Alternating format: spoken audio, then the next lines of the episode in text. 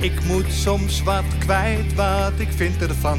Littekens en jeuk, die koester ik maar dan.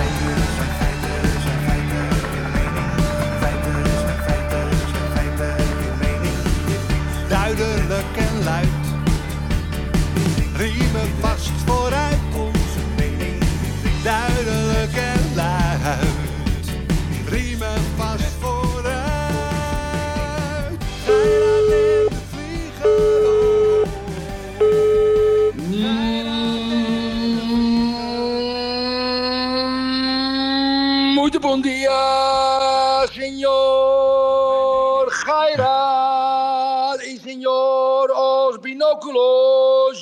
Japo Grande.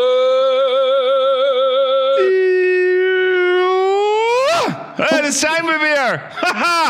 Goedemorgen, goedemiddag, goedenavond, luisteraars. Erik en ik, we zijn er weer. Eventjes, misschien nog vaker. En we hebben een supergast vandaag, daar gaan we straks wat over vertellen. Maar voordat ik dat ga vertellen, Erik, hoe gaat het met je? Oorlog! Oorlog! Ja? met wie gaan we? Ja, wat is er allemaal, Kijk. joh? Wij hebben toen even tijdelijk afscheid genomen. Dat, we doen nu eventjes een, een soort ingelaste uitzending. Ook omdat we de grote gast, eh, Jaap Ogrande, hebben hier. Ja, Maar kijk, luisteraars, het is. Geirat en ik hebben een moordend tempo gehad, zakelijk en privé, de laatste vier, vijf maanden. Daar zitten we eigenlijk allebei nog steeds in. Ja. Ja. Dus, en, en als je een podcast maakt, ja, we doen hem of goed of niet.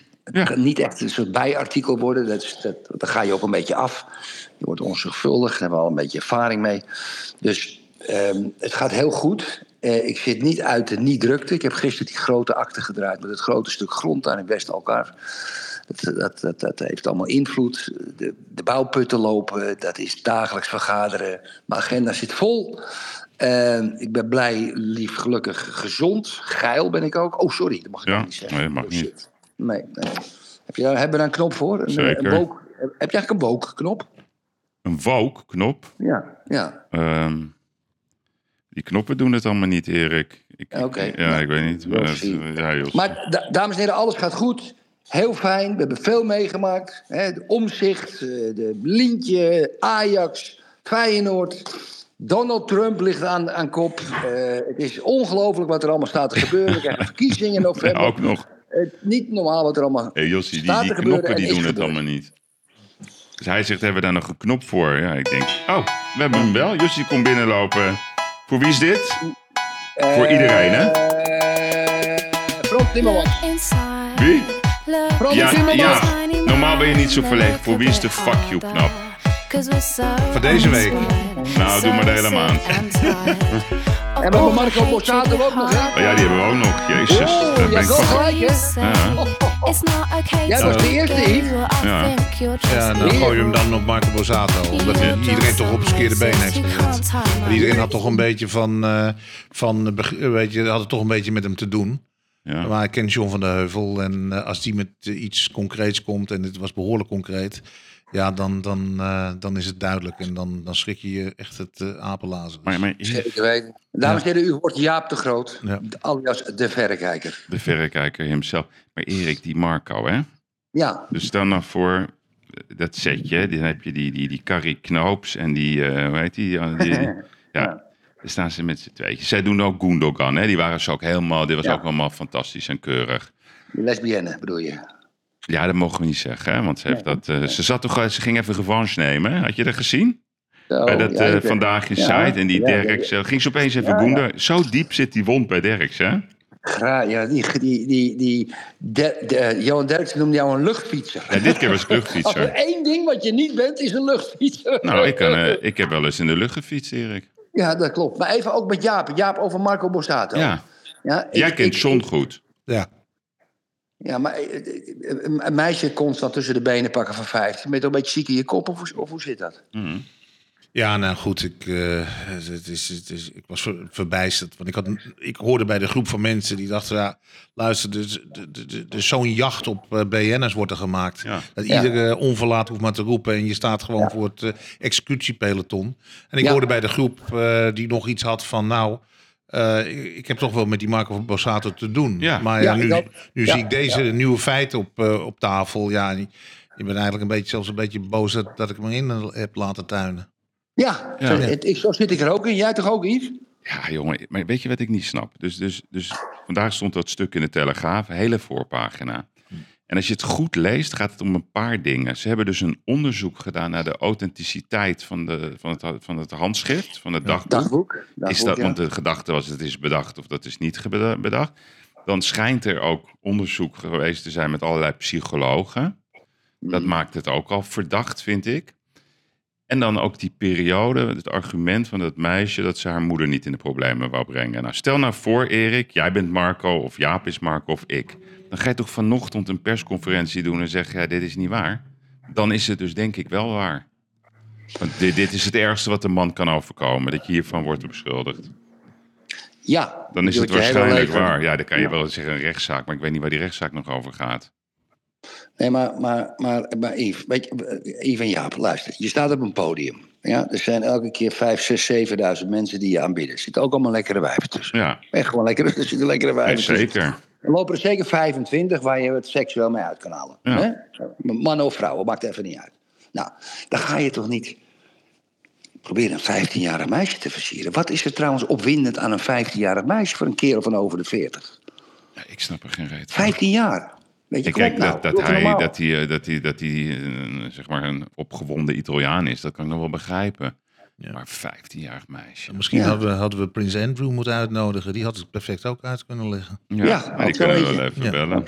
Ja, die kunnen Nou ja. mooi samen in de cel zitten. Hey, maar we gaan, ehm, we gaan straks straks ook even over de verkiezingen hebben. Maar laten we even beginnen met, eh, met ons eh, clubje. Jezus Christus. Ons clubje, Ajax. Kijk, Erik. eh Jaapie is erbij. Is een natuurlijk eh, grote insider. De, ook degene die het boek heeft geschreven van Johan Cruijff. Mm. Ik wou, hij schreef ook die column. Hè, en ik, vroeg, ik, ik wil nog één keer, Jaap. Johan belde jou. Ja.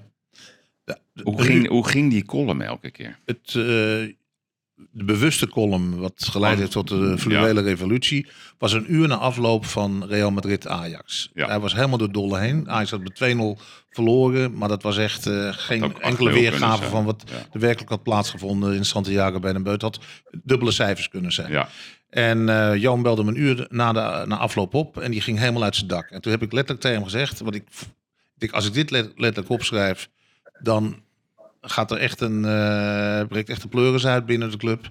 Eh, ik zei, Johan, weet je wat? Laten we gewoon zondag even, neem even je tijd. En zondag gaan we nog eens een keer kijken hoe je in, de wedstrijd, in deze wedstrijd zit. Nou, zondag was het iets, een onsje minder, maar ook niet meer dan dat. Ja, wat zei hij dan, Jaap? Wat zei hij? Wat, Nou wat ja, was dat, erg? dat, dat, dat, eigenlijk dat het een ja, dat Ajax Ajax niet meer was.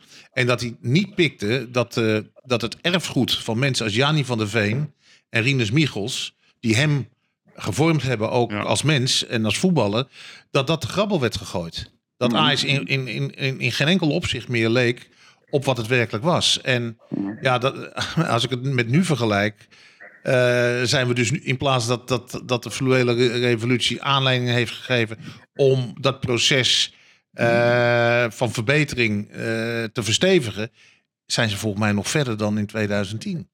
Nog verder weggedreven dan in 2010. Maar goed, in ieder geval, die column kwam dus uit op die maandag. Ja, en wat er gebeurde was uniek, want de natuur deed zijn werk. En ik weet dat Johan toen gebombardeerd is door oudspelers. Die zeiden, Johan, je hebt gelijk, wij gaan je steunen. Ja. En er waren echt een stuk of twintig oudspelers die, eh, die zeiden van ja, eh, we gaan je steunen, want we, we zijn helemaal buitenspel gezet. En toen, en daarom heeft het ook de naam Fluwele Revolutie gekregen. Toen wilden ze via de koninklijke weg, wilden ze eigenlijk gewoon de boel binnen Ajax weer in balans brengen. Dus er stond de ledenraadsverkiezing voor de deur. En eh daar hadden acht oud-spelers zich kandidaat voor gesteld. Die werden alle acht gekozen. Dus ineens van nul zaten er ineens acht in de ledenraad. Er werd besloten om een technisch hart te formeren. Daarin vier, eh, vier eh, sleutelfiguren binnen de technische organisatie plaatsnamen. Om te voorkomen dat, dat, dat één man verantwoordelijk zou zijn voor aan- en verkopen. En ook buiten zicht van, van derde dingen kon gaan uithalen. Het was puur, puur van, van het veiligstellen van het financieel belang van de, van de vereniging. En er werden natuurlijk in de, in de RVC werden Leo van Wijk en Theo van Duivenbode benoemd. Dus in totaal 14 mensen binnen de organisatie. Die konden aangevuld worden met specialisten en, en, en andere, andere experts. Dat was de basis. En, en, en dat zou dan uh, het begin moeten zijn van, van, van een vernieuwing uh, van Ajax, waarin de ziel van de vereniging gewaarborgd bleef. Want wat gelukt altijd, is toen. Wat gelukt is toen. Wat, wat, wat toen ja. gelukt is. En ik heb altijd al gezegd, kijk, wat het om gaat, is ik beschouw Ajax niet als een voetbalclub, maar een club van voetballers. De voetballers hebben Ajax gemaakt van, tot wat het nu is. Dus je hebt altijd een soort morele plicht als je leiding aan deze club geeft, om dat aspect in, in, op een in, of andere manier in, in, in, de club terug te laten komen. En als je nou ziet na het vertrek van, van de SAR, zijn die 14 gereduceerd tot nul. En, en daarom heb ik ook een beetje problemen met de huidige situatie. Want uh, het heeft ook, met ook de mensen die nu bezig zijn met de oplossing. Ik weet niet hoe jij daar uh, tegenaan kijkt, Erik. Maar het heeft een beetje iets van een stoelendans. Ja, oké. Okay, maar wacht even, wacht even. Erik, want het, ik ga even onderbreken. Kijk, wat, voordat we de oplossingen gaan bedenken en wat we er allemaal van vinden. Ik heb een reconstructie met dank okay. aan NOS Voetbal. En het is echt even belangrijk dat we even teruggaan naar 2010. Toen heeft trouwens Johan uh, Jaap ook in jouw krant gezegd... ik herken mijn Ajax niet meer. Daarom doe ik een oproep, oproep aan alle Ajaxiden om snel bij elkaar te komen. Dat heeft hij op 20 september 2010 in de Telegraaf gezegd. Maar even terug naar, die, naar, naar wat er allemaal gebeurde met de dek, met Coronel. En daar heb ik een hele mooie reconstructie van. En dat is denk ik wel prettig even voor de luisteraars. Dus Erik, luister even mee. Gaat drie ja, minuutjes duren. De revolutie van Cruijff begint met een column in de Telegraaf op 20 september 2010. Directie, beleid, spelers, er deugt volgens Cruijff helemaal niets van. Er moeten koppen rollen. Het eerste slachtoffer is trainer Martin Jol. Frank de Boer, een vertrouweling van Cruijff, neemt het over. Maart 2011. Cruijff publiceert een rapport over Ajax met harde conclusies. De jeugdopleiding is ondermaats en het bestuur weet niets van voetbal. Er moeten meer oud-spelers bij de organisatie betrokken worden. Je bent toch blind als je ziet dat het niet goed gaat.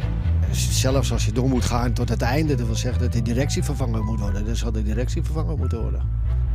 Eind maart stapt het bestuur van Uri Coronel op. De druk vanuit kamp Kruif wordt Coronel te veel. Ik ben gezwicht voor twee dingen. Voor het feit dat at the end of the day Kruif altijd belangrijker is dan wij. Kruif is het grote icoon van deze club. En voor het feit dat er een moment komt dat het mij te veel wordt. Nou, het bestuur, dat, dat heeft zijn zetel ter beschikking gesteld, hè, de drie. En nu? Ja, dat weet ik niet. Ik, ik, ik heb er niks met de organisatie in de club te maken. Dus ik, ik weet het niet. Ja, ik vind het alleen jammer dat ze weg zijn. In de zomer van 2011 neemt Cruijff zelf plaats in de nieuwe raad van commissarissen. Maar het botert niet tussen hem en de andere leden. Wel worden een paar hervormingen volgens het plan Cruijff doorgevoerd. Zo wordt er een technisch hart geïnstalleerd met daarin behalve hoofdtrainer Frank de Boer ook assistent-trainer Dennis Bergkamp en Wim Jonk als hoofdopleidingen. Maar binnen de RVC ontstaat grote oneenigheid over de opvolger van algemeen directeur Rick van den Boog. Cruijff wil Seula Ling of Marco van Basten op die stoel. De andere vier commissarissen werken tegen en zij komen zelf met een naam. De aardsvijand van Johan Cruijff, Louis van Gaal, wordt de baas bij Ajax. Cruijff is des duivels. Dat er dus uh, vier mensen wie, wie eigenlijk nooit bij die club gehoord hebben... Een, het hele club uh, in de fik steken op een of andere manier. Dus het is, het is gewoon te gek om los te lopen. Het kamp Cruijff gaat naar de rechter om de aanstelling van Van Gaal ongeldig te laten verklaren. En krijgt gelijk. Daarmee sneuvelt ook de Raad van Commissarissen. Een overwinning voor Cruijff. Hij stapt zelf ook op uit de RVC, maar blijft vanuit Barcelona betrokken. Oud-voetballers Mark Overmars en Edwin van der Sar treden toe tot het bestuur van Ajax. Ondertussen loopt de spanning op jeugdcomplex de toekomst op. Er ontstaat een breuk in het technisch hart. Met aan de ene kant Jonk, orthodox in de kruifleer. Het begint gewoon bij de vier pijlers van, van, van het plan wat we gemaakt hebben met Johan. En ik zelf ben daar ook uh, medeschrijver van. En aan de andere kant de pragmatischere Bergkamp, De Boer en Overmars. Jonk overlegt niet langer met hen. Hoewel Ajax in de jaren erna sportieve successen viert met vier op een volgende landstitels, komt er van het plan Cruijff niet veel terecht. Europees presteren de Amsterdammers ondermaats en de jeugdopleiding levert te weinig talent af. Cruijff laat vertrouweling Tjöla Ling een rapport opstellen dat weinig heel laat van de leiding bij Ajax.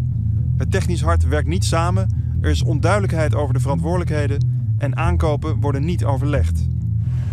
Als Wim Jonk wordt ontslagen is voor Cruijff de maat vol. Op 16 november 2015 trekt hij in zijn column zijn handen af van Ajax. En daarmee komt na vijf jaar een eind aan het plan Cruijff. Nou, Nou, mag ik de opening doen, jongens? zeker. Het is een eh, bijzonder slechte reconstructie van de NOS. Want de reconstructie van de S- NOS had moeten beginnen met het feit dat Ajax in onze wijsheid besloten heeft om een beursgenoteerde onderneming te worden. Ze hebben 25 procent, is genoteerd op de Amsterdamse beurs. Die beurskoers doet 10 euro. Er zijn, eh, 27 procent, hè? Ja, whatever. Ja. gaan we dan niet op 2%. in, in, in- als je me nou van, van me apropos wil brengen, ja, dan moet je dat. Hè. Dus laat ik het zo zeggen: de totale beurswaarde van Ajax, die 27%, waar eh, kapitein Geijer het over heeft, is ongeveer 187 miljoen. Doordat je een beursgenoteerd fonds bent, trek je institutionele mensen aan. Ja? In het bestuur hebben we bijvoorbeeld buiten Menno Gele, Van Halst, ja, Maurits Hendricks, Suzanne Lenderink, PricewaterhouseCoopers, Raad van Commissarissen, die Mosman, komt KPNG, Kees van Oelendingers is een notaris, die Georgette Sublik, wat die allemaal heeft gedaan. Maar nooit, nooit werkgevers. Ze hebben de, de buitengewone ledenvergadering op 21 september hebben ze Ernst Boekhart aangesteld. Die was hoofd sponsoring en foundation van ABN AMRO. Dus je hebt je omringd in, in het bestuur van Ajax met het merendeels van mensen die in een adviserende rol hebben gezeten voor bestuurders en bedrijven en eigenlijk nooit zelf wat gecreëerd. Doordat je een beursgenoteerd fonds bent, ben je ook aan allerlei regels gebonden en is de een de ander aan het controleren omdat ze allemaal in principe met een baantje bezig zijn. En ik heb niks tegen werknemers, want ik heb fantastische werknemers in dienst. Ja.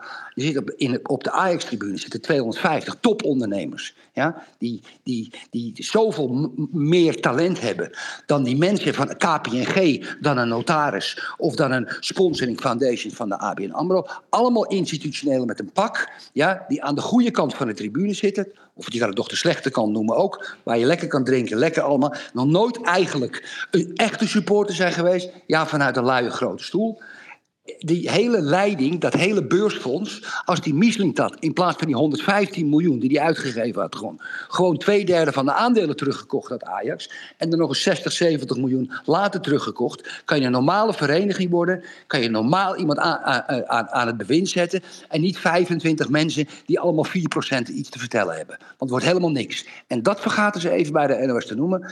De, de, de, de, de duivel de duivel in het Ajax-systeem is in de basis beursnotering. Amen.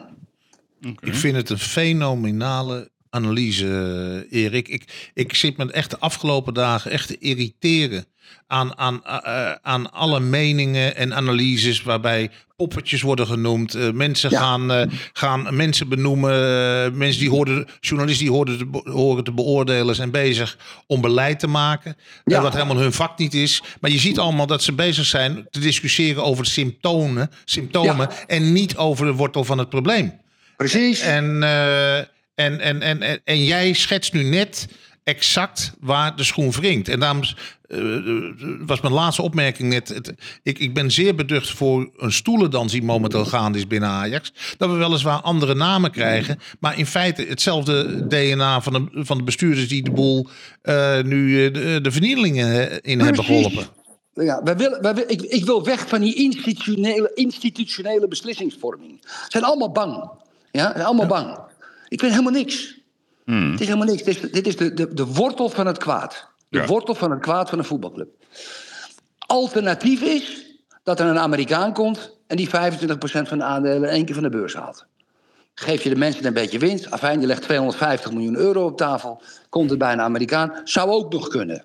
Zou ook nog kunnen. Mits, maar dan ben je vanuit die weg, vanuit die institutionele redeneringen... die ik de hele dag maar zie. Andere poppetjes moeten een voetballer erbij. Ja, jongens, Van Hals is ook een voetballer. Ja, en Van der Vaart zei op televisie... ja, ik, tuurlijk wil ik bij Ajax wat doen... maar ik heb eigenlijk helemaal geen verstand van zaken doen. Nee, weet je, dus... De, dus Ja, maar, maar, Ja? maar dat was natuurlijk ook met, met, met het noemen van de naam Louis Vergaal. Kijk, één telefoontje naar Vergaal en je had, er, je had erachter gekomen dat de man fysiek niet eens in staat is om dit moment zo'n kart te trekken. Maar los daarvan, Louis kan een elftal leiden, Louis kan een selectie leiden, Louis kan een technische staf leiden.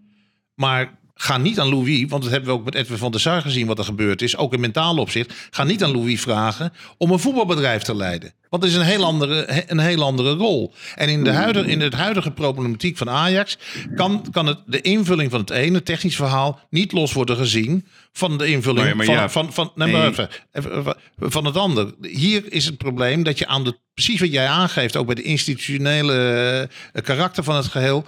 Je moet aan de top beginnen met de oplossing. Dus het begint al bij, bij zeg maar, de, de bestuursvoorzitter. En dan ga je naar beneden toe. Want anders gaan mensen dus gewoon eh, aan de technische kant eh, proberen aan de oplossing te werken. Maar worden gewoon, we worden geconfronteerd met een tegenstroom vanuit het bedrijf. Omdat daar niemand zit die een, bedrijf, een voetbalbedrijf kan leiden.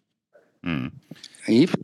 Ja, nee, kijk, ik weet niet waarom de naam Louis erbij wordt gehaald. Want Louis wordt altijd genoemd, hè? Die heeft zich niet gemeld. Ah, nee, maar ik zeg, er wordt, er wordt genoemd door mensen die dus niet het totale plaatje zien van het probleem. Nee, de, de naam en dus je Louis, mag nee, maar wacht even. eh, Jaap, de naam Louis werd genoemd door Valentijn.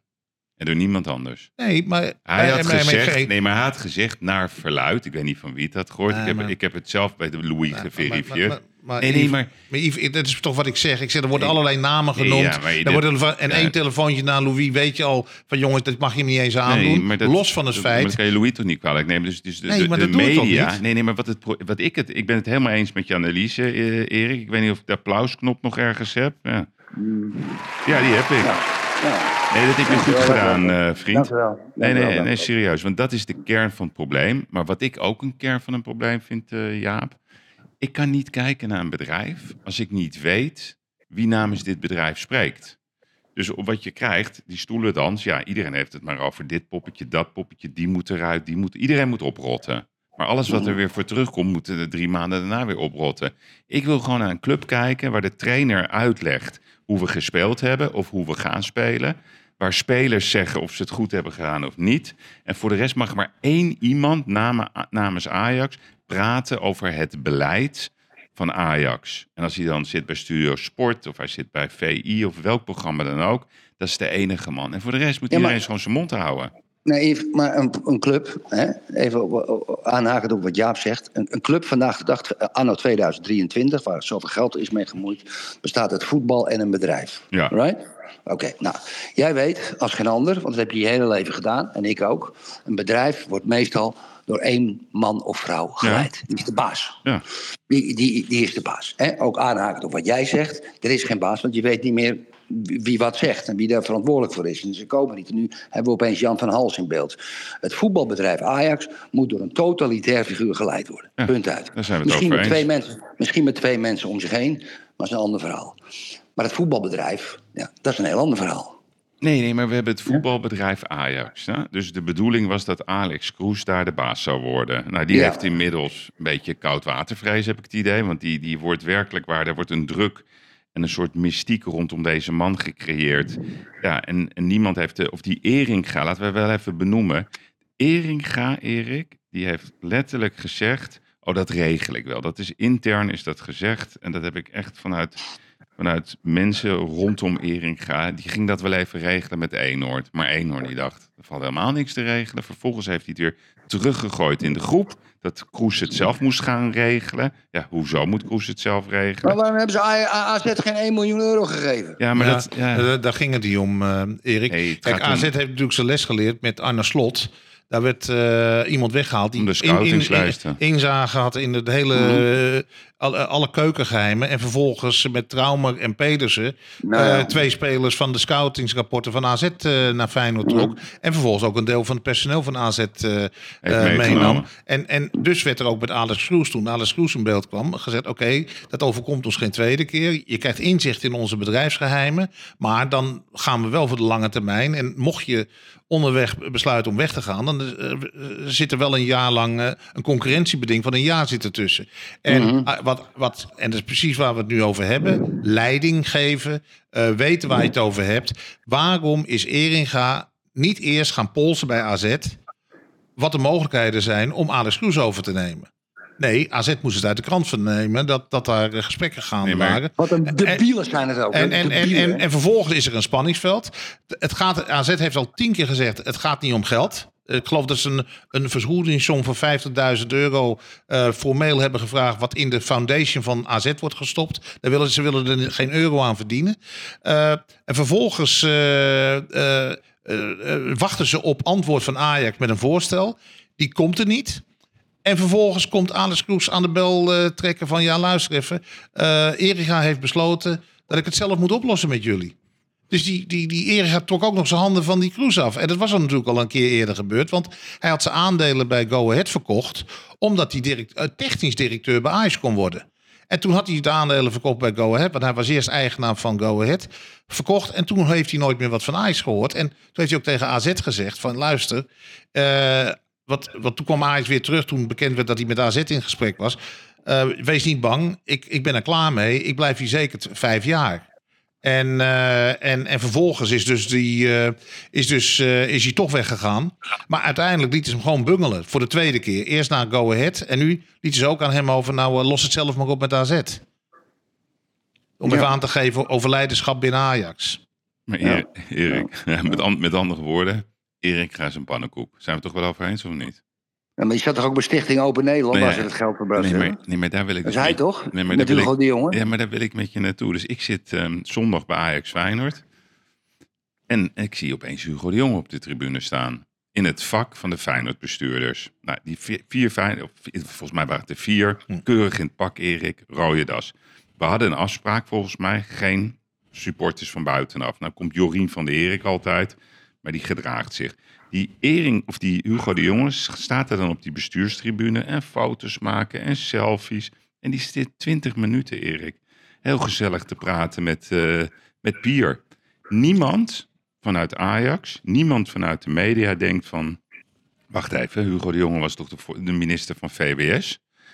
En Pier Eringa was de voorzitter van de Stichting Open, Open Nederland... waar die 5,1 miljard aan bonnetjes... 5,1 miljard. Is nog steeds niet opgehelderd. Ja, schiet mij maar lek, Erik. Ja, ja. ja. Maar niemand, niemand dacht van... Wacht even, dit is wel een raar verhaal. En eh, zonder verwijt, hè. Misschien heeft Erik het allemaal keurig gedaan. Maar dit kan toch niet? En dan loopt hij daar, Erik, met een spijkerbroek... met zo'n blauw hemd eroverheen. Dus dan de, onze voorzitter van Ajax. Ja, dan zit toch alles in iedereen te slapen bij Ajax? Maar heeft Erik geen, geen, geen kostuum aan van Ajax? Nee? Dat meen je niet. Nee, en ik was ook bij Ajax eh, Olympique Marseille. Gaat hij drie kwartier voor de wedstrijd gaat hij op een stoel zitten met zijn zoon. Nou, dit keer geen selfie. Jan van der Hals die loopt daar met zijn eh, zoon dan rond eh, in die kamers. Nou, die Maurits Hendricks die gaat altijd in een hoekje in zijn eentje staan met een of ander vaag figuur. Die heeft dan wel een Ajax-jasje aan. Wat ik niet snap, hè, is er dan helemaal niemand vanuit de RVC of van welke afdeling ook die zegt: jongens, doe eens even normaal. Ga alle skyboxen langs. Yves, dat- Stel je voor. Maar, maar Yves, dat, is je taak, toch? Price Waterhouse, KPNG, ja, ABN AMRO. Die gaan niet zeggen, die, als jij nou baas van Ajax bent... dan zeg je toch eventjes tegen die Pierre Inninga... hé hey, gast, met jouw positie ga je toch even mengen... tussen de, tussen de mensen die, die ons komen bezoeken... of de bestuurders of zien wat er is. En doe eens even een pak aan. Ja. Dat zou je als baas toch En zeggen. meteen? Ja, ja, maar Erik, dat is heel aardig wat je zegt. Want ik was bij Ajax Olympique Marseille, toch een internationale wedstrijd. Ik moest even van de verdieping waar ik stond, even naar beneden toe. En ik zie in blikveld, zie ik, eh, het was 25 minuten na afloop van de wedstrijd, Erik gaat met zijn zoon naar zijn auto lopen. Ik denk, wacht eens even. Je bent voorzitter van Ajax. Jij hoort nu de centrale figuur in de bestuurskamer te zijn als gastheer van je Franse tegenstander. 25 minuten na de wedstrijd. naar huis. Want om de file voor te blijven. Hey. Oh, jongens, we hebben een probleem. We hebben echt een probleem. Maar hij is weg, Hij is, tot, hij, is, hij is tot inzicht gekomen. Ja. Nee, maar hoe, hoe kan het? Hoe, is die man op die stoel? Ja, ik lees nu Ja, net dat ik denk Michael dat het van... toch de maatschappij is, Yves. Ik denk dat het de maatschappij is. Ja. Ik denk toch dat we naar de maatschappij moeten kijken. Je ziet zelfs de banken, ING, ABN AMRO, de Rabobank... allemaal van die ja, zwakke beslissingen, half politiek en, en, en, en maatschappelijk betrokken, sustainability.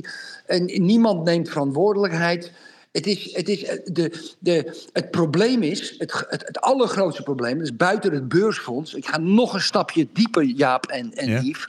Ja, dat we zwakkelingen op hoge posities laten komen, die vervolgens andere zwakkelingen aanstellen, anders hebben ze geen overwicht.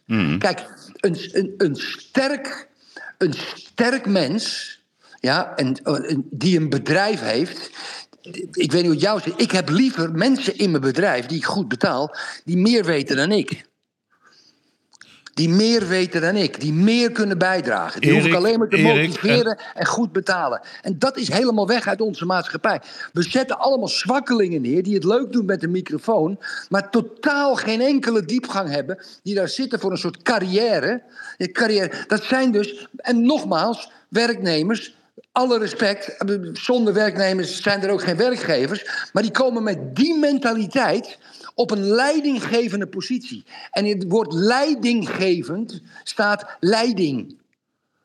En dat is allemaal weg. Zwakkelingen. Zwakkelingen, die zwakkelingen, die zwakkelingen, die zwakkelingen aanstellen. Erik, er is toch gewoon een hele duidelijke parallel wat we in Den Haag zien in de politiek. Ja, met, wat er in is de, het. met wat er in de Nederlandse topsport gebeurt. Jongen, Mensen precies. die zonder kwaliteit komen op sleutelposities terecht. Ja. Het is niet alleen bij Ajax hoor. Ik, ik, ik zei het van de week ook al. Dus twee maanden geleden is een, eh, was een businessplan voor de NL League. Hè. Nederland is e- de- het enige topvoetballand in Europa. Als je praat over de top 6 die geen, eh, de, waarin de hoogste divi- voetbaldivisie niet in een aparte entiteit is ondergebracht. Zoals de Premier League, Bundesliga, La Liga. Waardoor je veel efficiënter je, je, je product hè, je de, Ja. de, kan, uitbaten. model. Ja, nou, Amerikaans model. A- Amerikaans model. Weet ik weer, eh daar wordt dus twee maanden geleden, businessmodel is 18 maanden geleden aangenomen. Eh, en er was 16 tegen 2. De twee tegenstanders waren Ajax en Feyenoord. Wat denk je? Heeft Jan de Jong heeft toegestaan dat buiten de, de 16 kl- voorstemmers Ajax en Feyenoord een, een, een alternatief plan op tafel hebben gelegd. Wat vervolgens wordt aangenomen. Er waren van de, zes, van de 16 voorstemmers waren zes clubs die niet eens meer wisten dat ze voorgestemd hadden. Dat is de kwaliteit van het Nederlandse profvoetbal. Je, als je kijkt naar, naar de Turnbond, naar NOC en NSF. Kijken wat, wat daar allemaal in de leiding zit. Er zitten allemaal mensen. Ik weet van de laatste lijst van kandidaten om algemeen directeur bij NOC en NSF. Dat is dan de Olympische organisatie binnen Nederland. Daar, daar zijn de mensen met een, met een sportverleden zijn allemaal eh, uit, uitgeselecteerd. En er zit dus gewoon iemand, eh, meneer Van Tweel van de Natuurmonumenten. Waarom is hij benoemd? Omdat hij, hij banden met, met, met Den Haag. Dat is dus. En, wat, en wat zie je dus één jaar voor de, voor de Olympische Spelen gebeuren? Dan wordt de boodschap van NOC-NSF... we gaan niet voor de ereplaatsen, we gaan voor de verhaaltjes. Dat is dus wat. dat- Dan ga je als topsporter ben je bezig in je laatste aanloop richting, eh, richting je levensdroom te re- realiseren in Parijs om daar Olympisch kampioen te worden. En dan krijg je te horen dat verhaaltjes belangrijker zijn. En, en, en ja.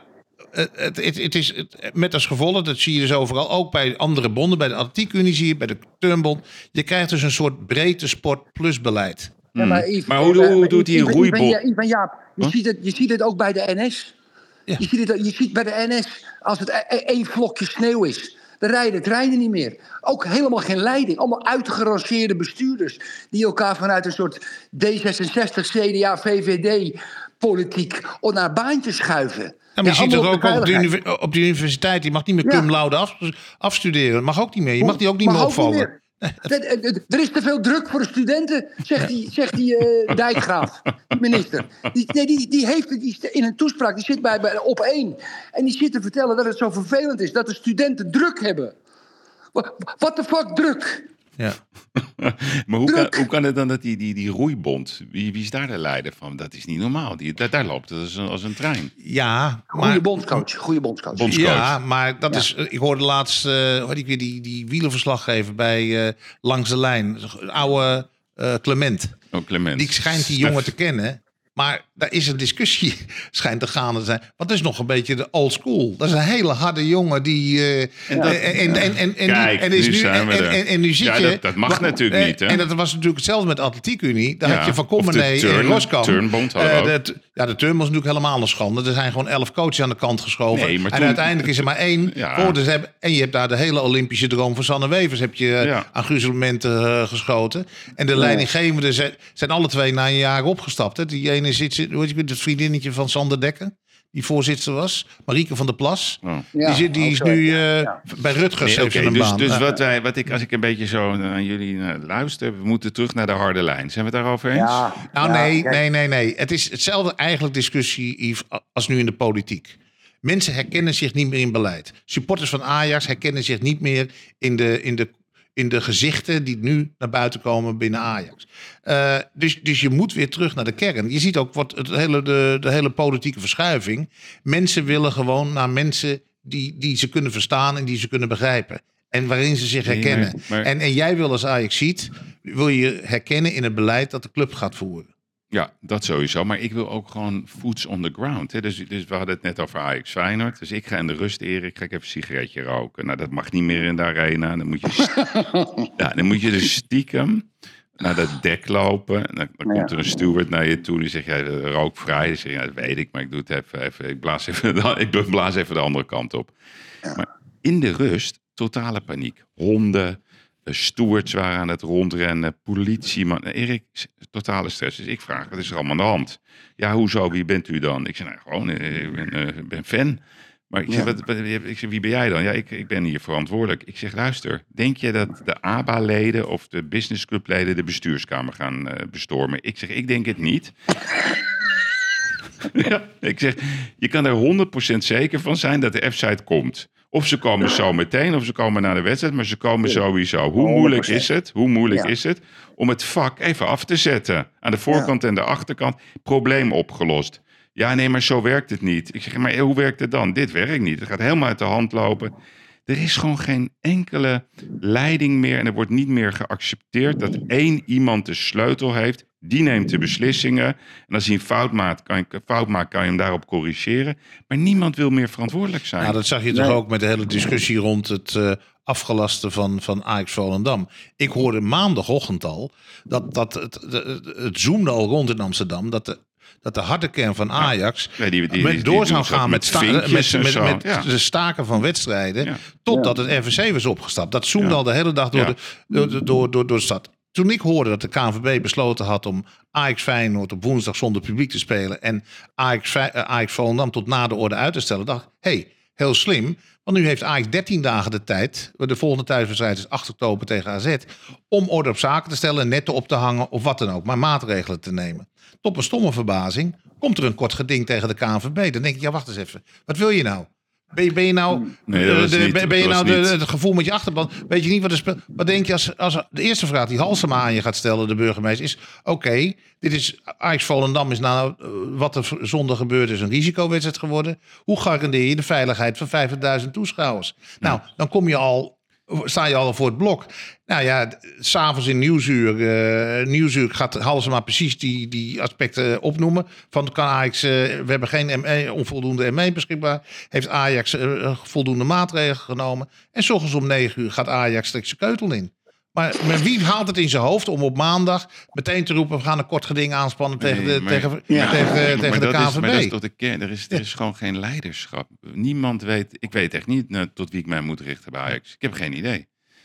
Dus, Mag ik even twee dus dingen tussendoor Erik, vertellen? maar Erik, wat Ja. jij zei, hè, even, ja, even tussendoor. Maar kijk, wat jij zegt, hè, de- de- ik voel daar veel voor. Hè, dus dat die, die structuur, hoe die ooit is bedacht, dat was goed bedoeld. Ajax naar de beurs. Nou, die splitsing natuurlijk tussen, tussen het stadion en, en, en, en, en- de NV of de arena. Ja, dat, ik ben daar nog steeds op tegen. Want ik vind gewoon, het voetbalstadion zou bij Ajax moeten horen. Maar dat hebben ze ook Ja. al duizend keer onderzocht. Het schijnt allemaal buitengewoon ingewikkeld te zijn.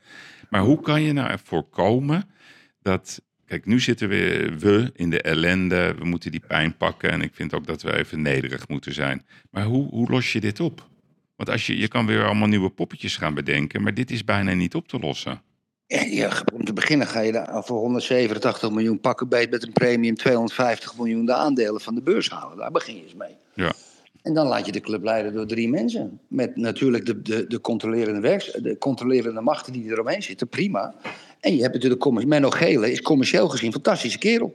Ja? Menno Gele als commercieel directeur Prima, fantastisch. Prima, prima Ah, gast. die, die heeft trouwens ook een, een fantastisch een, een initiatief eh, twee weken geleden geïntroduceerd. Die heeft Ja. een, nu een tweejarige cursus voor oud-spelers om eh, te zijner tijd in te schuiven in de directie van Ajax. Daar hebben zich voor opgegeven Siem de Jong, Ricardo van Rijn, Daniel de Ridder en Kelly eh, Zeeman. Alleen dit had natuurlijk vijf jaar eerder eh, eh, eh, moeten gebeuren. Ja, maar beter laat dan nooit. Ja? Helemaal Nee, mee. maar, de, maar de kern Ja. van het verhaal is natuurlijk dat Eringa die is binnengekomen. Nou, die zal ook waarschijnlijk gesproken hebben met Gele.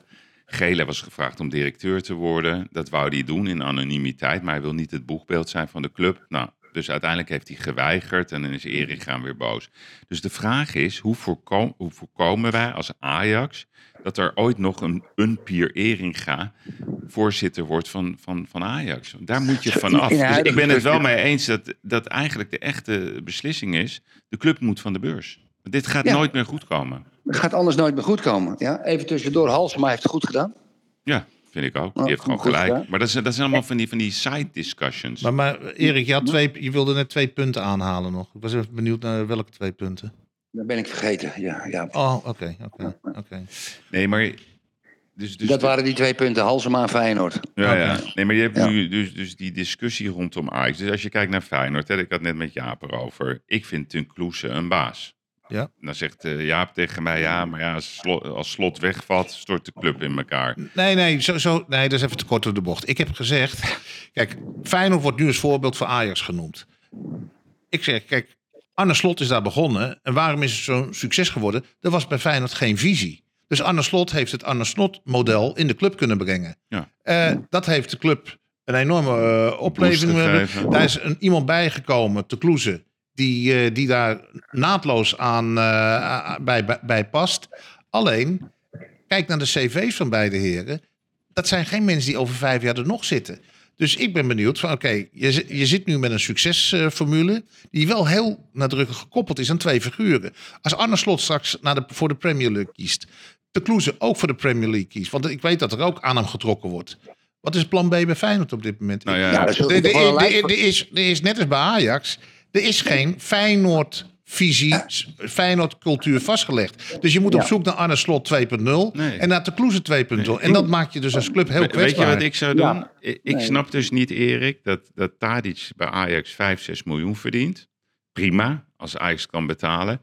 Maar ik vind dat de baas van je club ook 5, 6 miljoen moet verdienen. Dat is je allerbelangrijkste man. Dus als je wil dat hij 10 jaar blijft zitten, moet je hem dik betalen. Het is hetzelfde discussie als over Den Haag. Hoe kan je nou een land laten leiden door iemand die voor een appel en een ei de kutste Ja. baan heeft die er bestaat? Ja, maar in feite hebben ze dat bij Feyenoord al gedaan. Hè, Yves? Want ze hebben het, eh, eh, het salaris van eh Arne Slot behoorlijk opgewaardeerd. Die is met afstand nu de best betaalde trainer in, Ja, maar die in pakt nu Nederland. 2 Wat verdient miljoen hij of dan? zo. Wat verdient hij dan, ja? Ja, ik, dacht- ik hoorde ook inderdaad rond de 2 miljoen. Ja. 2 miljoen nog. Zo, zo. Maar- Keurig, keurig, ja, keurig, ja, keurig. ja, maar dat, dat, is, dat is helemaal niet keurig, keurig. Want als hij naar Engeland straks gaat, dan krijgt hij 5, 6 miljoen.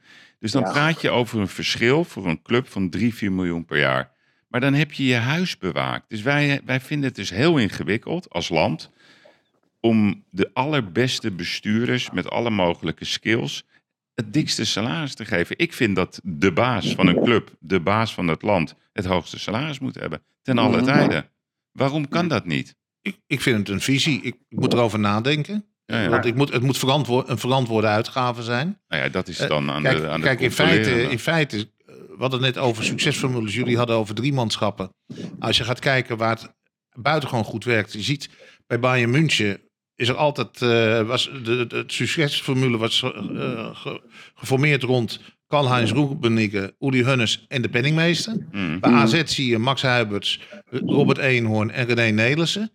Dus dat, dat wat, je, wat, je- wat je net schetste, dat is korte lijnen met mensen die weten waar ze het over hebben. Dat is werkt. Dat, en hoe groot het bedrijf ook is. Je ziet, eh, Bayern München zijn top drie van de wereld.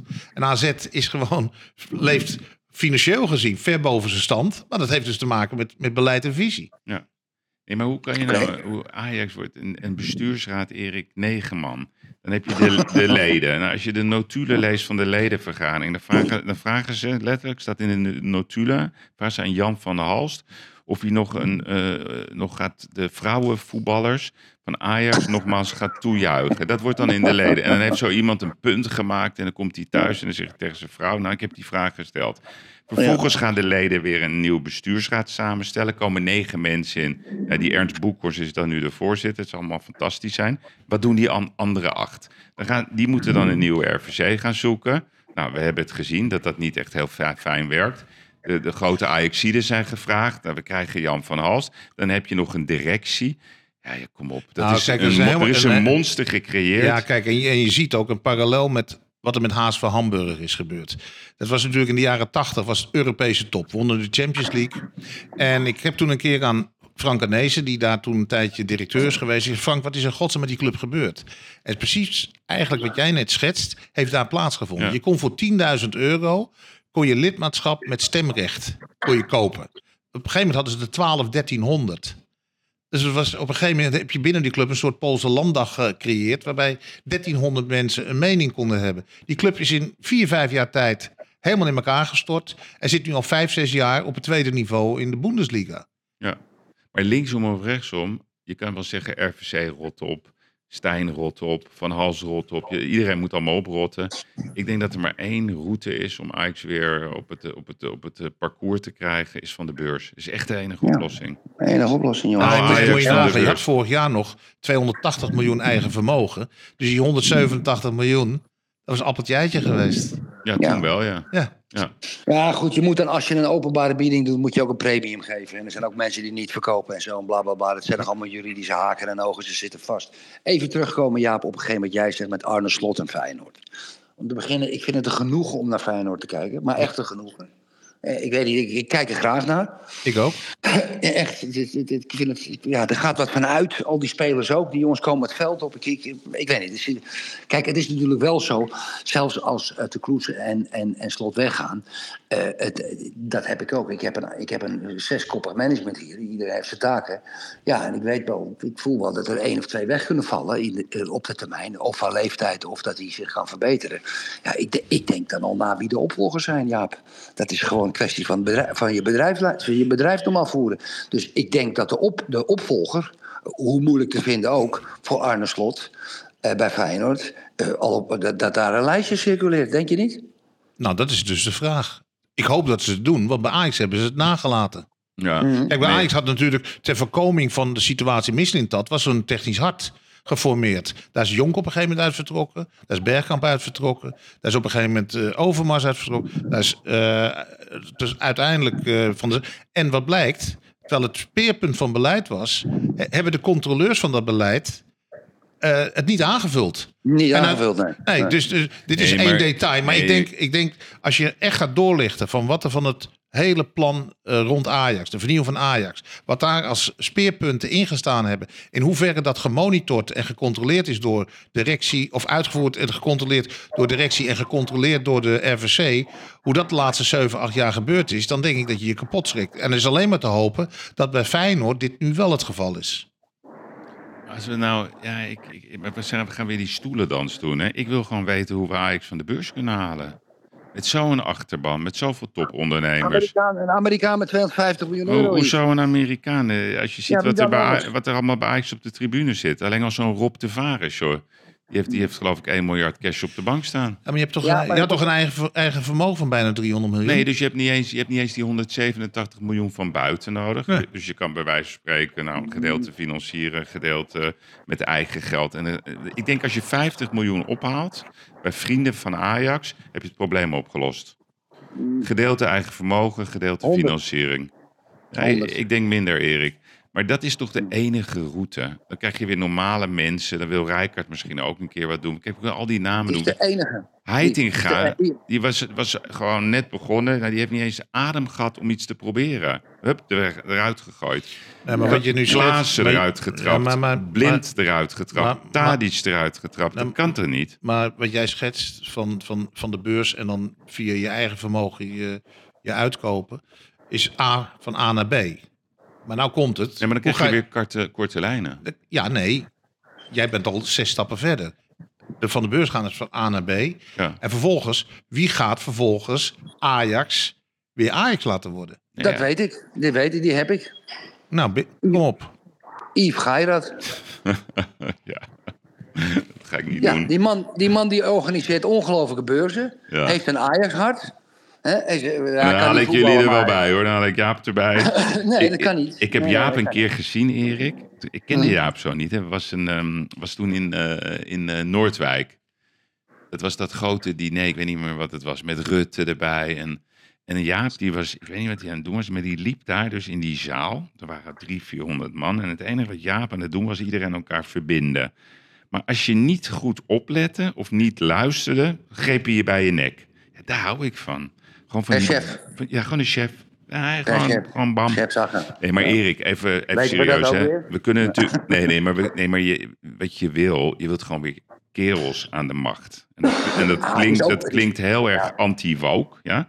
Nee, maar wat is dit voor een onzin dat Ajax een quotum heeft hoeveel vrouwen dat bedrijf moeten leiden? Het gaat toch maar. Nee, maar Erik, het gaat toch, laten we daar eens mee ophouden. Je moet gewoon de beste. Ja, maar wat is dit voor een onzin? Ja, je hebt gelijk. Van mij mogen eh, zes vrouwen die club leiden als ze de beste zijn. Maar, maar ook zes mannen.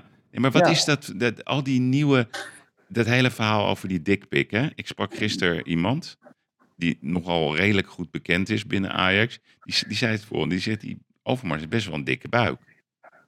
Ja, ik denk niet dat, dat, dat hij een, een soort, soort machine heeft van 30 centimeter. Dus hoe kan hij een dikpikfoto maken? Nou, misschien heeft hij hem even opgehelikopterd, Yves. In het Maar hoe heeft hij dat gedaan? Dat- Die discussie Nou, heeft nog nooit plaatsgevonden. Nee, nee, nee, nee. De enige die het weet is Overmars. Die zouden we eigenlijk in de uitzending moeten hebben. Ik hoorde dat, dat hij gewoon een relatie had met een meisje daar.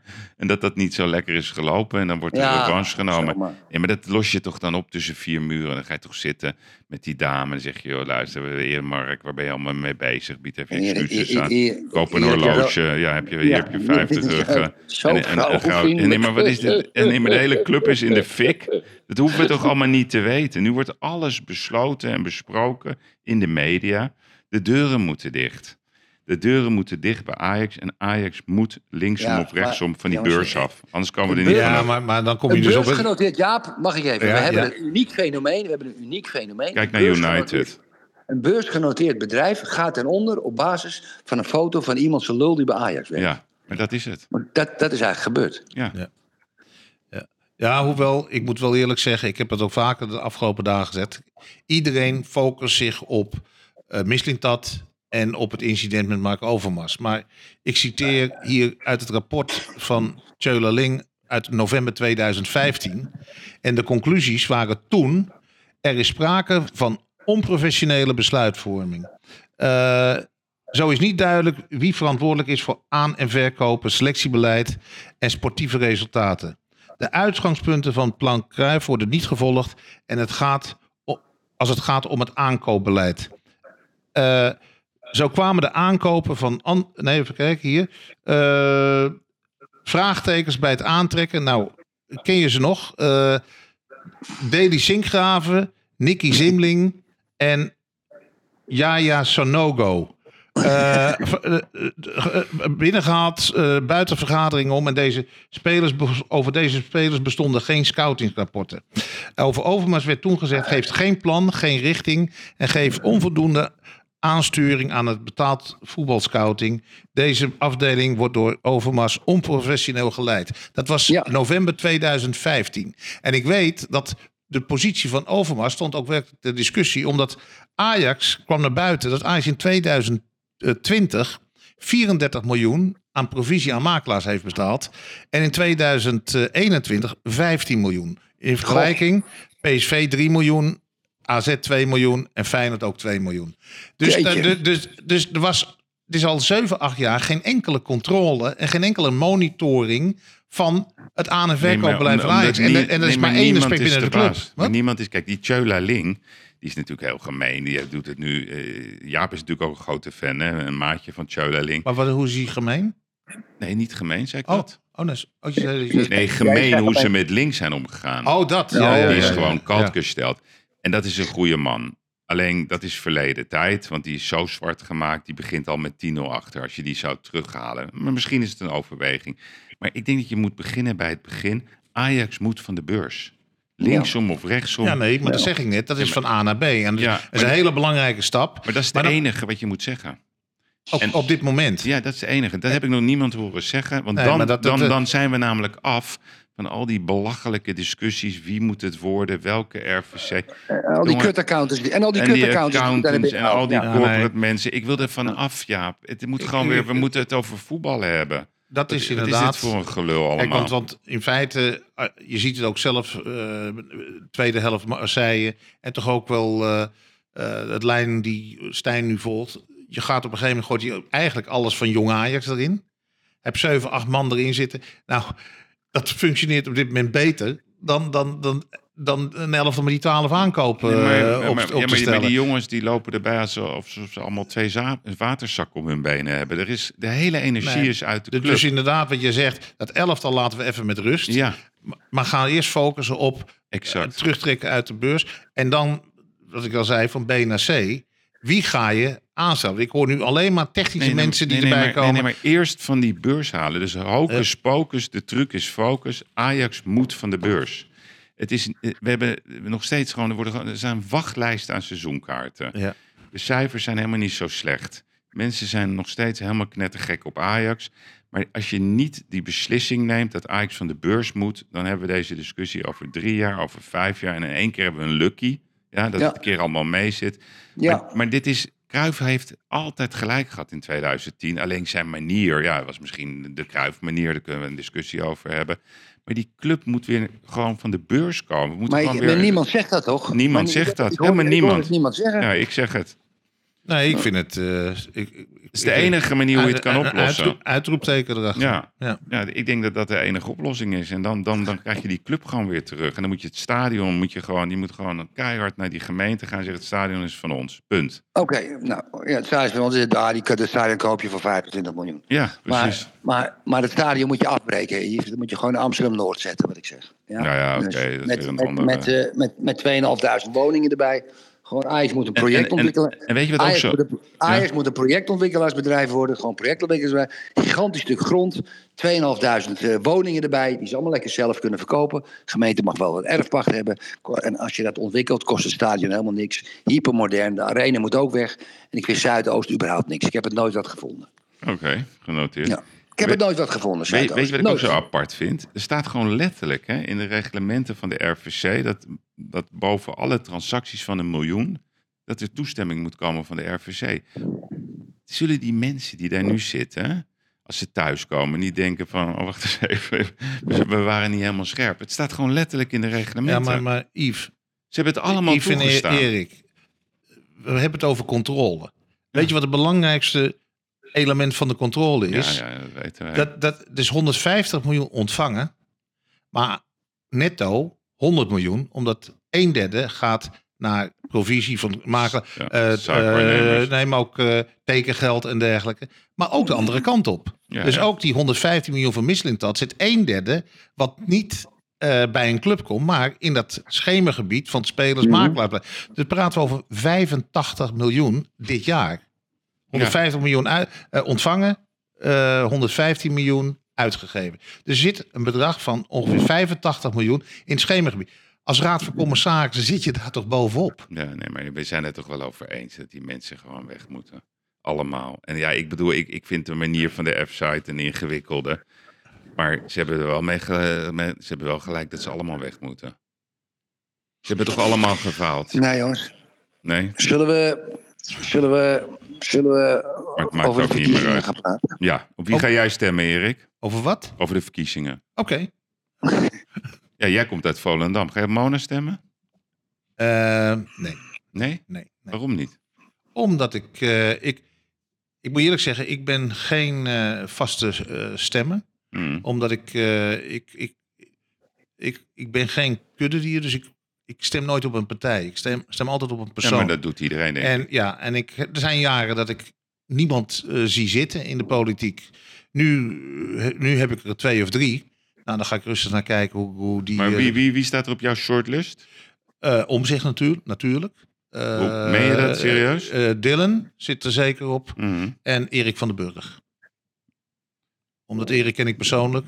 Oké. Ik vind het een fantastische man. En een van de weinige politici waarvan je ook kan zien dat hij volledig zichzelf is. Hij had natuurlijk de grootste shit portefeuille alle tijden. En als je dan Goh, ziet, nou. eh, en, eh, als je ziet hoe hij dan. je iedereen is gesneuveld. Hij is nooit gesneuveld. En hij houdt zich. En je ziet ook dat, dat de mensen op een of andere manier toch begrip voor hem hebben. Hij, wordt, eh, hij heeft geen eh, harde kern in zijn tuin staan, weet je. Omdat ze op een of andere manier toch iets voelen van... het, het loopt helemaal uit de klauw in te apel. Maar, maar hij doet er alles aan om het, om het te voorkomen. Dat, dat heeft hij wel... Dat beeld heeft hij wel zijn, gecreëerd. allemaal, ik vind het allemaal brandblussers. Oké, maar dus op jouw shortlist, als ik het goed begrijp, is Dylan van de, van de VVD. Erik van den Burg. Ook en, VVD. en Omtzigt. En Omzicht van de NSC. Ja, die drie. eh, Uit die drie ga ik kiezen, ja. En waarom Omzicht? Om, omdat hij is wie hij is. Maar hij is toch gewoon een. En hij, hij- hij is gewoon de McKinsey-soldaat van de Tweede Kamer. Ja, maar zo wat. Hij, hij, is- hij is in ieder geval iemand die... Eh, de, hij heeft geen, geen plan ontvouwd wat hij gaat doen. Nee, oké. Maar daarom zeg ik, ik wil even kijken hoe het verder gaat. Want hij heeft natuurlijk wel, hij leest de dossiers. Hij weet wat er leeft. Want dat is natuurlijk het grootste probleem van 98% van die politici. Dat ze bij God niet meer weten wat er Maar, maar, maar zijn, zijn oplossing is Rosanne Hetsberger, de columnist van NRC, de microbioloog. Ja, nou goed. Dat is niet waar. Nou doe je hem tekort, Yves. En haal je, je, doet, je, je, doet... Kijk, een kamp omzicht. Nee, helemaal niet. Kijk, wat jij, jij, wat jij nu doet, is precies wat de mainstream media doet, waar wij altijd zo over klagen. Je haalt er één gevalletje uit met Rosanna Hetsberger, die oude columnist van de NRC, die geen stijl af wilde maken. Tuurlijk zijn er allemaal dingen, op, op iedereen is wat aan te merken als je, als je individuele dingen eruit haalt. Wat Jaap zegt, is, je vraagt aan Jaap een shortlist, dus die geeft Ja, nee, dat grote mag. lijnen. Maar ik, ik, hoe- hoe- ik, ik, hoe die ik stel de vraag. Hij mag twijfelen. En Ja, jij, Erik? Tussen wie twijfel jij? Ja, ik zit gewoon in het kamp Lientje. Jij zit Caroline. Lientje. Ja. Ja, ik zit in het kamp Caroline. Ik weet niet wat, weet je, ik, ik, eh, ik hou van haar authenticiteit. Ik maak me een klein beetje zorgen over de dossierkennis van haar overige kandidaten op de lijst.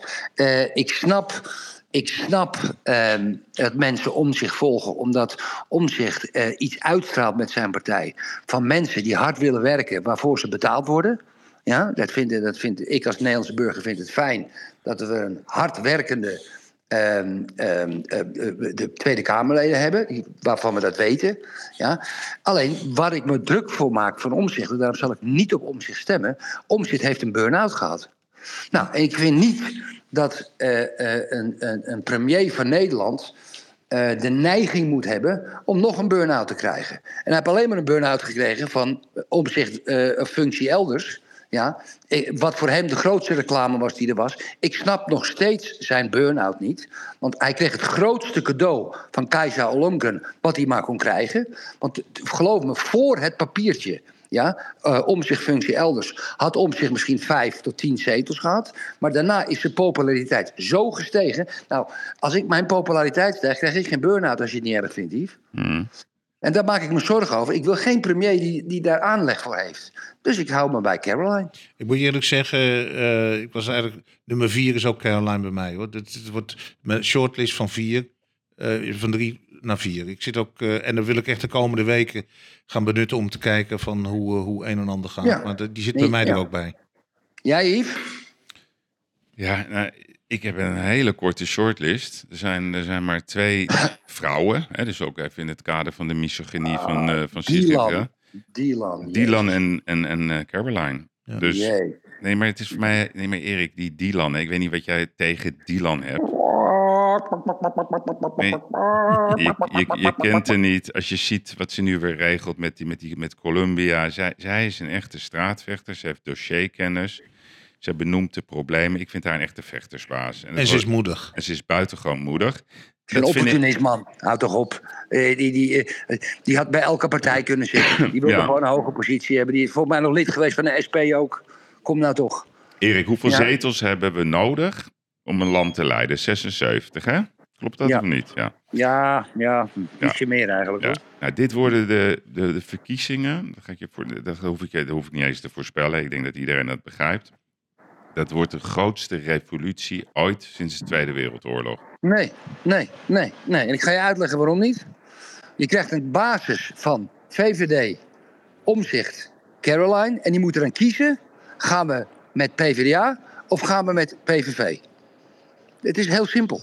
Nee, ik- Het, is helemaal niet, het wordt helemaal niet gecompliceerd. Omzicht, Caroline en de VVD zullen altijd naar elkaar toetrekken. Ik heb nog niet gezegd dat het eh, gecompliceerd wordt. Ik zeg dat het de grootste revolutie ooit wordt. Dat is wat ik zeg. Ja? Ja, dus wat er gaat gebeuren, D66 zijn we het over eens, die stort helemaal in elkaar.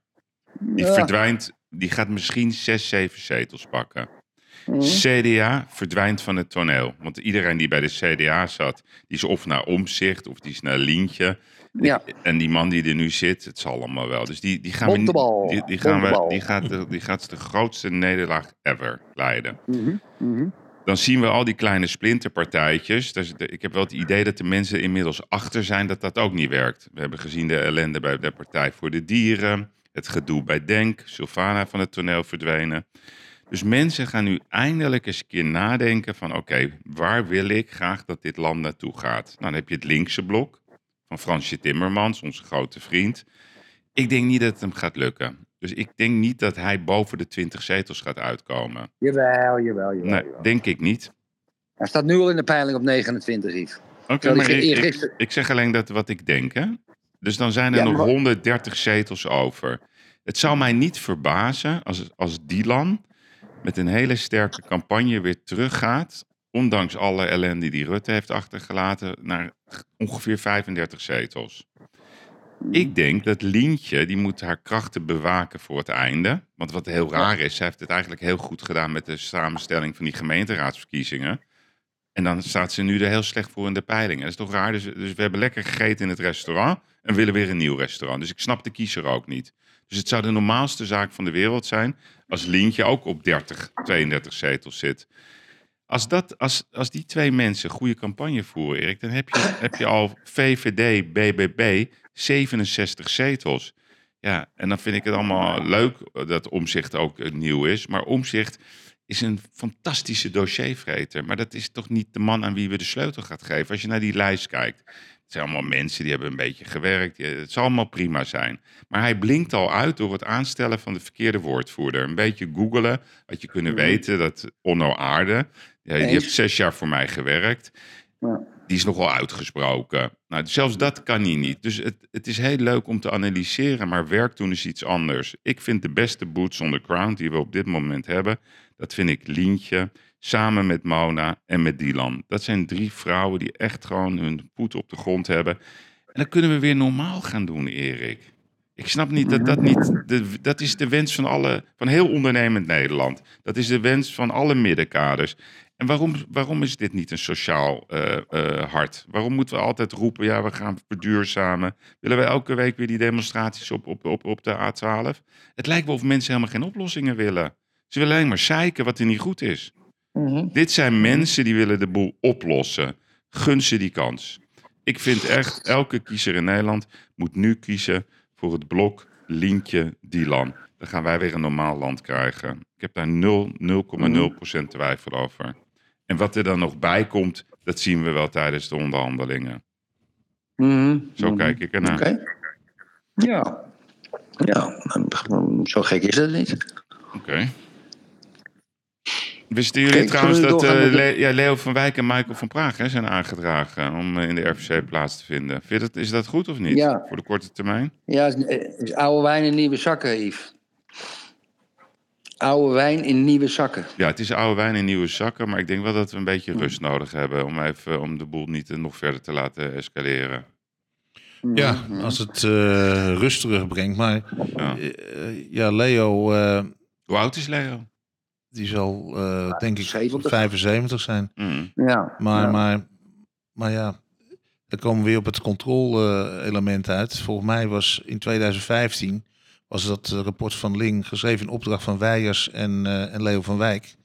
En daar is daarna natuurlijk helemaal weinig mee gebeurd. Maar goed, op dit moment denk ik dat de rust binnen de vereniging een, eh, de eerste vereiste is. Dus misschien dat deze twee... eh, zijn ze, Michael is erelid, Leo van Wijk ook? Dat je die op die manier wat, wat, wat, wat de Ja, spanning even- kanaliseert. Ja. Zal ik, zal ik, zal ik- Ja? zal ik jullie eens een scoop vertellen vanuit het verleden over Leo van Wijk? ja. Ik heb er ook één. Ja, ja. Kijk, het is een uniek verhaal, dames en heren. Wat ik ga vertellen, dat mag ik eigenlijk niet vertellen, maar ik doe het toch. Nee, maar het is tussen ons drieën.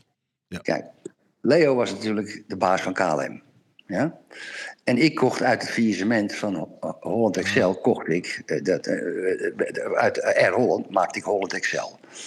Dat hebben we in één nacht uit onderhandeld, die overname, met TUI en Thomas Cook. Want die dat waren tour operators en die raakten hun vluchten kwijt. Dus konden die mensen niet meer vliegen van Air Holland. Dus we moesten gelijk de dag daarna, als het ware, door. Dat was een gigantische deal. Dat was een deal van 80 miljoen, 90 miljoen. En eh, dus eh, kon- konden we die lease overnemen van die 3767. Ah, Afijn, een heel lang verhaal. En we gingen gewoon weer vliegen. En wij, twee derde van onze kisten waren bezet met de concurrenten TUI en Thomas Cook. Dus een paar weken later werd ik gebeld door Leo van Wijk. Want ja, opeens was ik opeens ook een luchtvaartmagnaat. Ja, dus toen heb ik het volgende gesprek gehad. Dat ging heel snel, was geweldig. Toen ook over Ajax gepraat. En toen bood hij mij aan. Hij zegt, mag je niemand vertellen. Neem jij nou Martin Air over, zei hij. Ja? Ik toen, zo, Martin Air, 1,4 miljard omzet. Ik zat op 300 miljoen per jaar, zeg maar toen. hè. 1,4 miljard omzet. Ik zei, ja, het is niet 1,4 miljard omzet. Hij, hij, hij zegt, want wij halen de vracht eruit... en jij neemt de passagiersvervoer over... en je klanten zijn allemaal Toei en Thomas Cook... en die heb je toch al. Ik zeg, nou, dat is een hartstikke goed idee. Ja? Ik zeg maar, eh, mo- zouden we dan... Ik, ik zeg, ik ga erover nadenken, ik ga het bespreken. Hij zegt, mag je met niemand bespreken, want dat komt later... maar dit is een idee van mij. En ehm, ik zeg maar, ik, zeg, ik, ik, ik zeg, ik moet je er wel bij zeggen. Ik, ik zeg, Leo, ik zeg, meer dan een eurotje ga ik niet betalen. Hij zegt, nee, de verkoopprijs doet ook helemaal niet de zaak.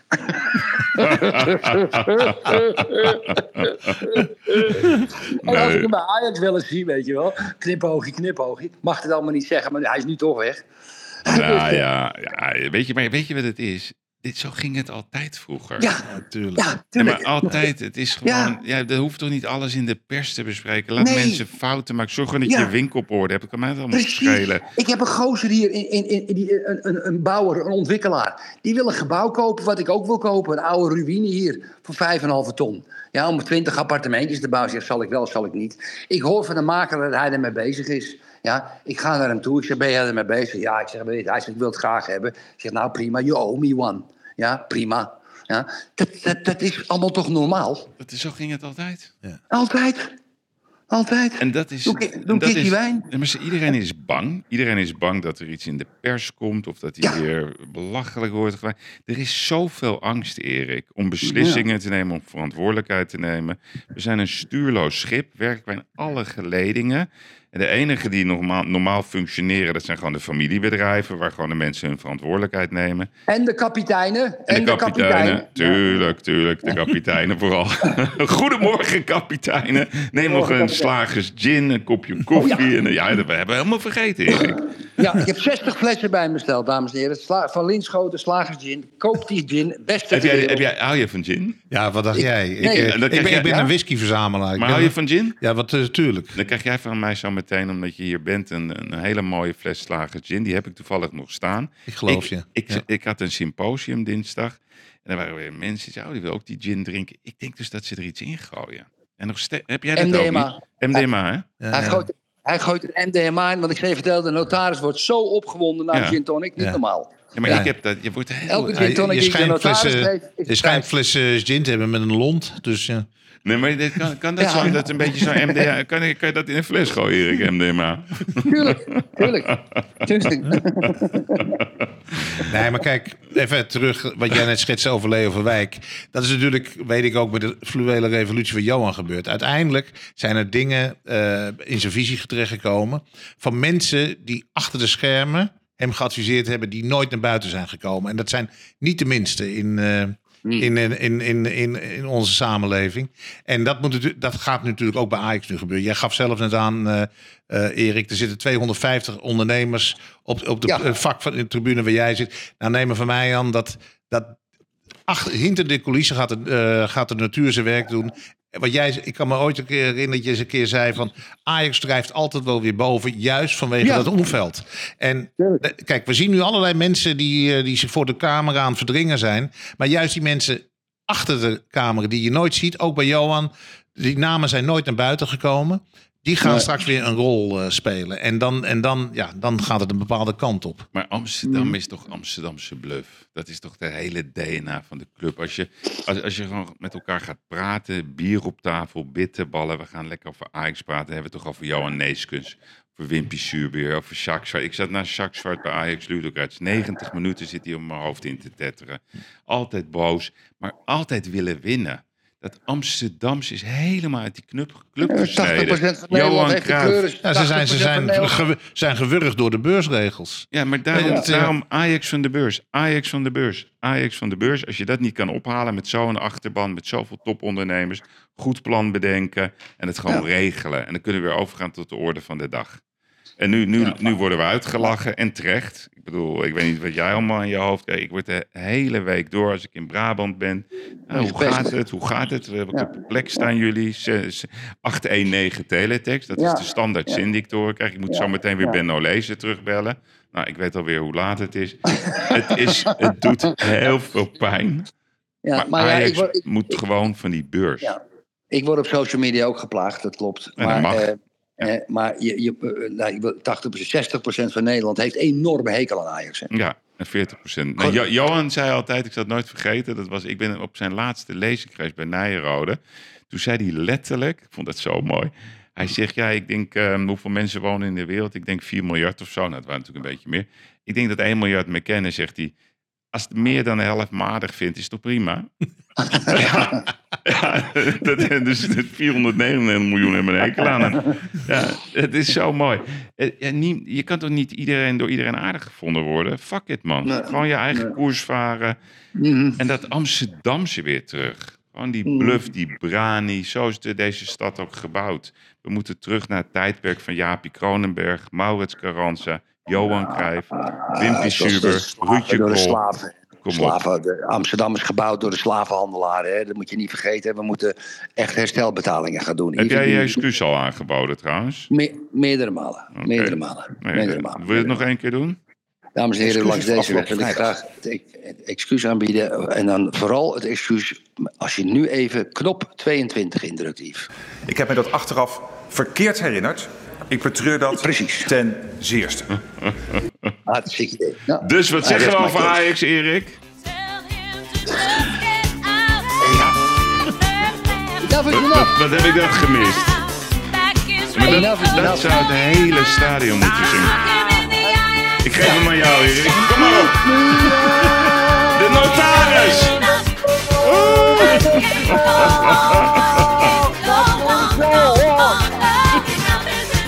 Ja, je moet het goed hebben ook hebben van Arjen Paardenkoper. Die mis je ongelooflijk. Ook kapitein Kers. Ik heb, iedereen mist jou. Mist ook de verrekijker. Misschien missen ze mij ook. Kapitein Kers, zijn grootheid, Arjan Paardenkoop is de beste advocaat van Nederland, van Blenheim advocaat. Ah, dat, is, dames en dat is echt, dat is echt. De allerbeste, de allerbeste, de allerbeste. Ja, jongens. Goed zo, jongens. Nou, eh, even nog een kort dingetje. We zijn er nu wel van overtuigd. Eelco Bos van Roosentaal bij Nieuwsuur, die het heugelijke nieuws bracht dat Oekraïne Ja. Nord Stream heeft opgeblazen. Oh. Ja, hij zei er wel bij. hij zei er wel bij, ja. Maar dan is het nog niet zeker dat de regering van Oekraïne dat wist. Dus er zijn dus een paar Oekraïners op een zeilboot met duikerspakken... die op eh 500, 600 meter diepte een, een, ongelooflijk beveiligde pijpleiding... van Rusland naar Duitsland kunnen opblazen.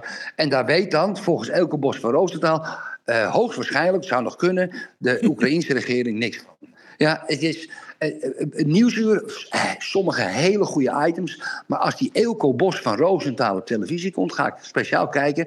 Want een lachfilm is er niks bij vergeleken. God, wat is die man subjectief, zeg. Niet normaal. Oké, jongens. Nou, ik denk dat het weer even was mooi. Ja, vond je het leuk? Ik vond het eh, heel erg leuk. Het en ik ging wil- niet alleen over Heb voetbal. je nog Nee, reizen nee, gepland, Jaap? Heb, Wat? heb je nog reizen gepland? Jazeker. Ja, ik ga. eh, eh, ja, nee, eh, een leuke reis, eh, Erik. Ik ga zaterdagochtend om 6 uur, 7 uur vlieg ik naar eh Trenčín. Van Tjöleling opent daar eh, zijn nieuwe stadion. Eh, helemaal gefinancierd vanuit eh, transfergelden van eh AS Trenčín. En ja, ze staan ook nog eens een keer stijf bovenaan in de hoogste divisie in, in Slowakije. Dus die van Ajax die het wel goed gedaan heeft. En ik heb, ik heb begrepen dat jij dat dit weekend Ja. ook Sylvan FC aan de competitie staat. Dus ik wil bij deze een Ja. hele mooie competitie toewensen. En dat je in één keer van de vijfde naar de vierde divisie kan. En Jaap, Ja, we eh, gaan, eh, ja, dat is wel een heel apart. We hebben een contract ondertekend met de, met de gemeente ook nog. En met de voetbalclub Silvers. Daar gaan wij als bedrijf helemaal achter zijn, staan. Dus voetbal al een aantal Nederlandse voetballers op dit moment. Zaterdag begint de competitie bij ons. We houden jullie allemaal op de hoogte. En binnenkort komen we met shirtjes verkopen. Kijk eens aan. kijk Ja, dan wil ik niet met ja. Messi op de rug. Nee. En, en, en, en jongens, ze spelen, luister goed, in het oranje. Hey, en Erik, Erik doe, jij, doe, jij, doe, doe jij al een, heb jij eh, in eh, een, een, een, zeg maar een lijmfabriek al in Portugal geopend? Eh, nou, dat, dat, dat, er beginnen nu Portugese jongeren te Nou, procederen. ik, weet eh, waar ja, je het ja, doet. ik, daar doe ik op. Ja, die, je moet Ja. een mooie potjes lijm gaan verkopen. Dat wordt grote Ja. handel. Want er gaan zes Portugezen die gaan de, sta, de heel, heel Europa aanklagen. Die gaan Europa aanklagen omdat er eh, bosbranders zijn in Portugal. Dus eh Laurens Dassen, Laurens Dassen, de partijvoorzitter van Volt, twitterde dat artikel dat Portugese jongeren de staat aangeklaagd vanwege de bosbranden. Ik googelde forest fires Portugal increasing, decreasing. En ik kreeg een artikel van mij dat de bosbranden eindelijk met 40% waren afgenomen. Dus ze lullen maar wat. Dus ik heb meneer Volt, of meneer Dassen, heb ik vriendelijk eventjes in het tweetje verteld hoe die moet googelen voortaan. En Gundogan, is dat niet wat voor om die naar Portugal? Ze zag er wel leuk uit trouwens op tv. Ja, ja, kijk, als de notaris eh, ooit, eh, met, de Noorderzon, met de Noorderzon vertrekt. eh, Oké, ja, oké.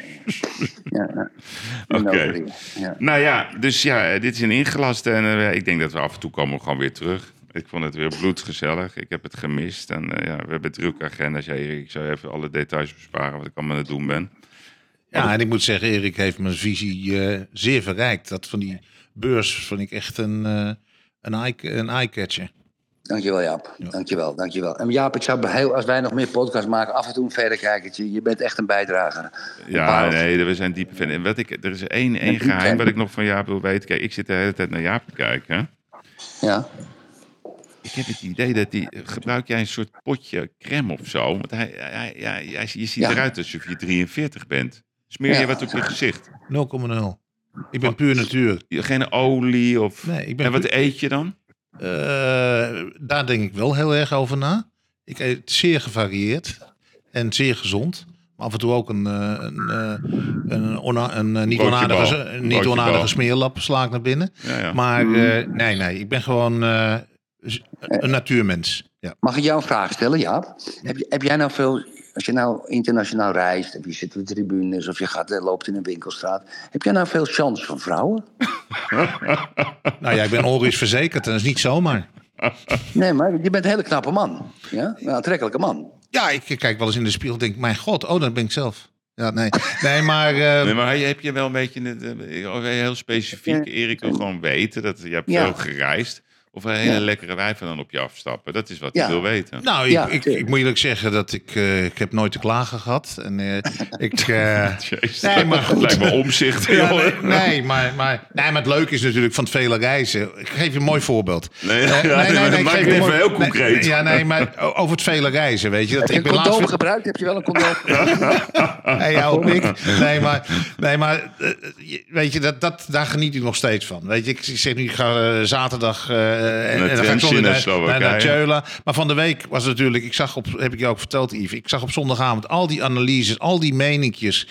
En ik had zoiets, ik ga niet in Nederland in een programma zitten. Weet je. Ik, doe, ik werk dan voor BNR Nieuwsradio. Nou, dan Ja. heb ik wel elke dag een update over Ajax Ja. gedaan. Maar buitenland, CNN en dan eh, Sky News. eh, maar toen werd ik ook door Sky News Duitsland eh, benaderd voor een bijdrage. En die hebben net als ESPN alle rechten van de voetbal. Dus een, de grootste sportzender op dit moment in Duitsland. Of ik commentaar wilde geven op de situatie bij Ajax. En ik krijg een appje van eh, iemand of ik nou zo en zo later aanwezig kon zijn. Ik zit zo te kijken.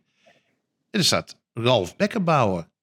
Ik denk, nou wacht even. Dus ik bel hem. Ik zeg, luister even niet op een een van. is Frans familie van jou? Ja. Hij zegt, dat is mijn opa. Ik zeg, dat is je opa. Ik zeg, godsamme. Ik zeg, nou, ik stuur je nu meteen twee, drie foto's samen met Frans. Want ik, ik- eh, Frans is echt een maatje van me. En wij hebben ook thuis geweest in Kietsbuul. Dus ik stuur op. En eh, hij zei, ach, geweld, deze foto heb ik nooit gezien van mijn opa. En dit en dat en zo. En s'avonds word ik ineens gebeld door Frans Bekkerbouwer. Nee. Weet je? Dus dat Daar- heeft... daar Ajax-. Maar- maar- maar- nee, maar dat, dat ja. heeft dus Nee, maar dankzij Ajax. Maar de dat- vraag van Erik Ja. was... Ja. Ja. ik weet niet, je lult er helemaal omheen. We zitten Nee, bij maar, Frans maar dat, ik wil even ik vind het zeggen... dat wel een komt, nee, maar wacht Ja, ik even. ook, maar wacht eens even. Het is toch geweldig dat het probleem bij Ajax ervoor gezorgd heeft... dat ik weer contact met Frans Beckenbauer Nee, gekregen dat heb. is goed, dat is Ja. goed. Maar hoe zit het nou met die wijf? Want daar hebben we nog geen antwoord op. Ja, maar ik praat nooit over mijn privé- privéleven, eh, Yves, dat weet je. Dat weet je. Oké. Dus- Nee, Ja, dat maar, Jaap, heel- als jij, maar Jaap, als jij een beetje gezwaffeld hebt, vinden Yves en ik niet erg hoor. Zijn we niet boos over hoor. Nee, maar dat weet ik. Dus uh, daar houden we het zo. Nou, lieve mensen, de, dank voor het luisteren weer. Dank Jaap voor je aanwezigheid. Dank eh Capitao Erik de Vlieger vanuit Portugal. Neem Slagers Gin, giet het naar binnen. Een wijntje, een koffie, een bitterbal, een broodje bal of gewoon een bak sla zoals eh, Jaap dat af en toe doet. We komen, we komen weer terug. We weten niet wanneer. Dank voor het luisteren. Ja, Adios. hartstikke idee. Ai, ai.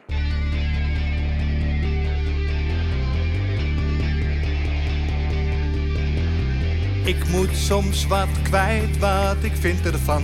Littekens en jeuk, die koester ik maar dan.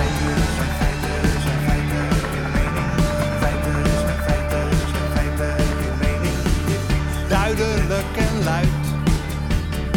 Riemen vast vooruit, onze mening. Duidelijk en luid. Riemen vast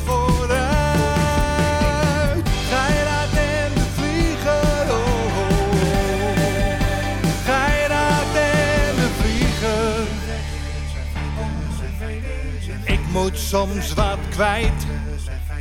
Mijn mening. Meer dan 80 jaar ervaring.